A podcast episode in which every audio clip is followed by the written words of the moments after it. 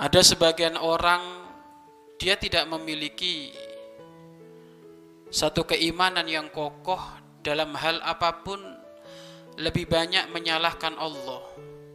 Ini semuanya gara-gara takdir Allah. Ini semuanya gara-gara ketentuan Allah.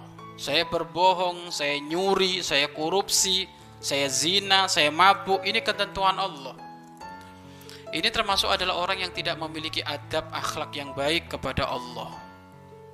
Katakan itu adalah ketentuan Allah, utamanya adalah dalam kebaikan. Akan tapi jikalau dalam urusan kejelekan, maka jangan pernah itu adalah takdir Allah. Harusnya adabnya, akhlaknya seperti itu, walaupun memang jelek dan baik itu sudah ketentuan dari Allah Subhanahu wa taala.